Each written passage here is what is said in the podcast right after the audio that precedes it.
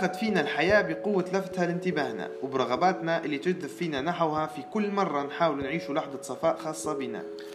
العمر يمر والدنيا تستمر رغم الظروف اللي تحيط بينا في كل مرة. الفشل أحيانا يتمكن من قلوبنا واليأس يزورنا بجميع الطرق ويحاول أنه يسيطر علينا شعور الرتابة والروتينية.